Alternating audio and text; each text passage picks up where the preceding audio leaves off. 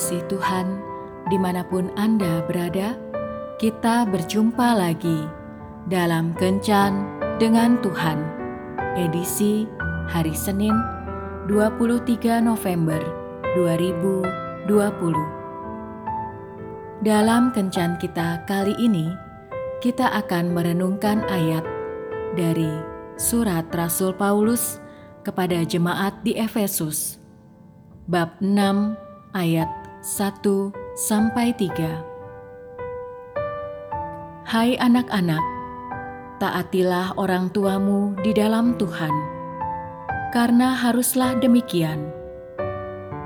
Hormatilah ayahmu dan ibumu.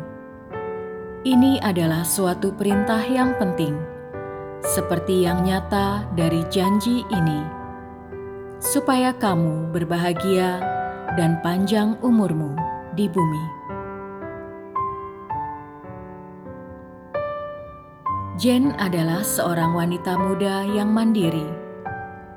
Seperti biasa, setelah seharian beraktivitas, ia langsung merebahkan diri di atas kasur dan menyalakan alarm untuk bangun besok pagi.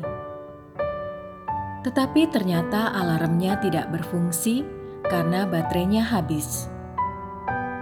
Hari sudah malam, dan ia sudah merasa nyaman berada di bawah selimutnya yang hangat. Akhirnya, ia menelpon mamanya untuk membangunkannya besok pagi. "Hai, Ma, besok jam 5 pagi, bisakah Mama membangunkan aku?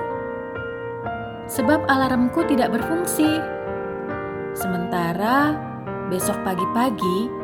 Aku harus tiba tepat waktu di kantor karena ada rapat penting. Oke, sayang.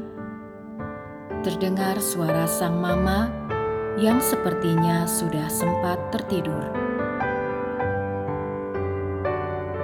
Pagi-pagi benar, suara telepon berdering. Ayo bangun sayang, hari ini ada rapat. Dengan mata yang belum sepenuhnya terbuka, Jen melihat ke arah jam dinding yang ternyata menunjukkan jam 4 pagi. Dengan nada yang sedikit kesal, ia berkata kepada mamanya, "Ini masih jam 4 pagi, Ma. Bukankah aku bilang untuk membangunkanku jam 5? Seharusnya aku masih bisa tidur lebih lama lagi. Tetapi mama sudah membangunkan aku. Tidak ada respon di ujung telepon sana. Jen pun akhirnya menutup telepon dengan suasana hati yang kesal. Setelah bangun dan mandi, ia mulai bersiap untuk berangkat ke kantor. Seperti biasa, ia akan berjalan kaki ke halte bis. Dari kejauhan, ia melihat ada sepasang suami istri yang telah lanjut usia berdiri di sana. Akhirnya, bis tiba. Jane pun langsung naik. Ketika ia duduk, bis itu langsung jalan tanpa membiarkan kedua orang tua tadi naik. Kenapa langsung jalan dan tidak membiarkan kedua orang tua tadi naik, Mas? Mereka telah menunggu sejak tadi. Ucap Jen kepada supir bis itu. Tidak apa-apa, mereka adalah orang tua saya yang memang sengaja menunggu saya. Karena hari ini hari pertama saya bekerja jawab supir itu.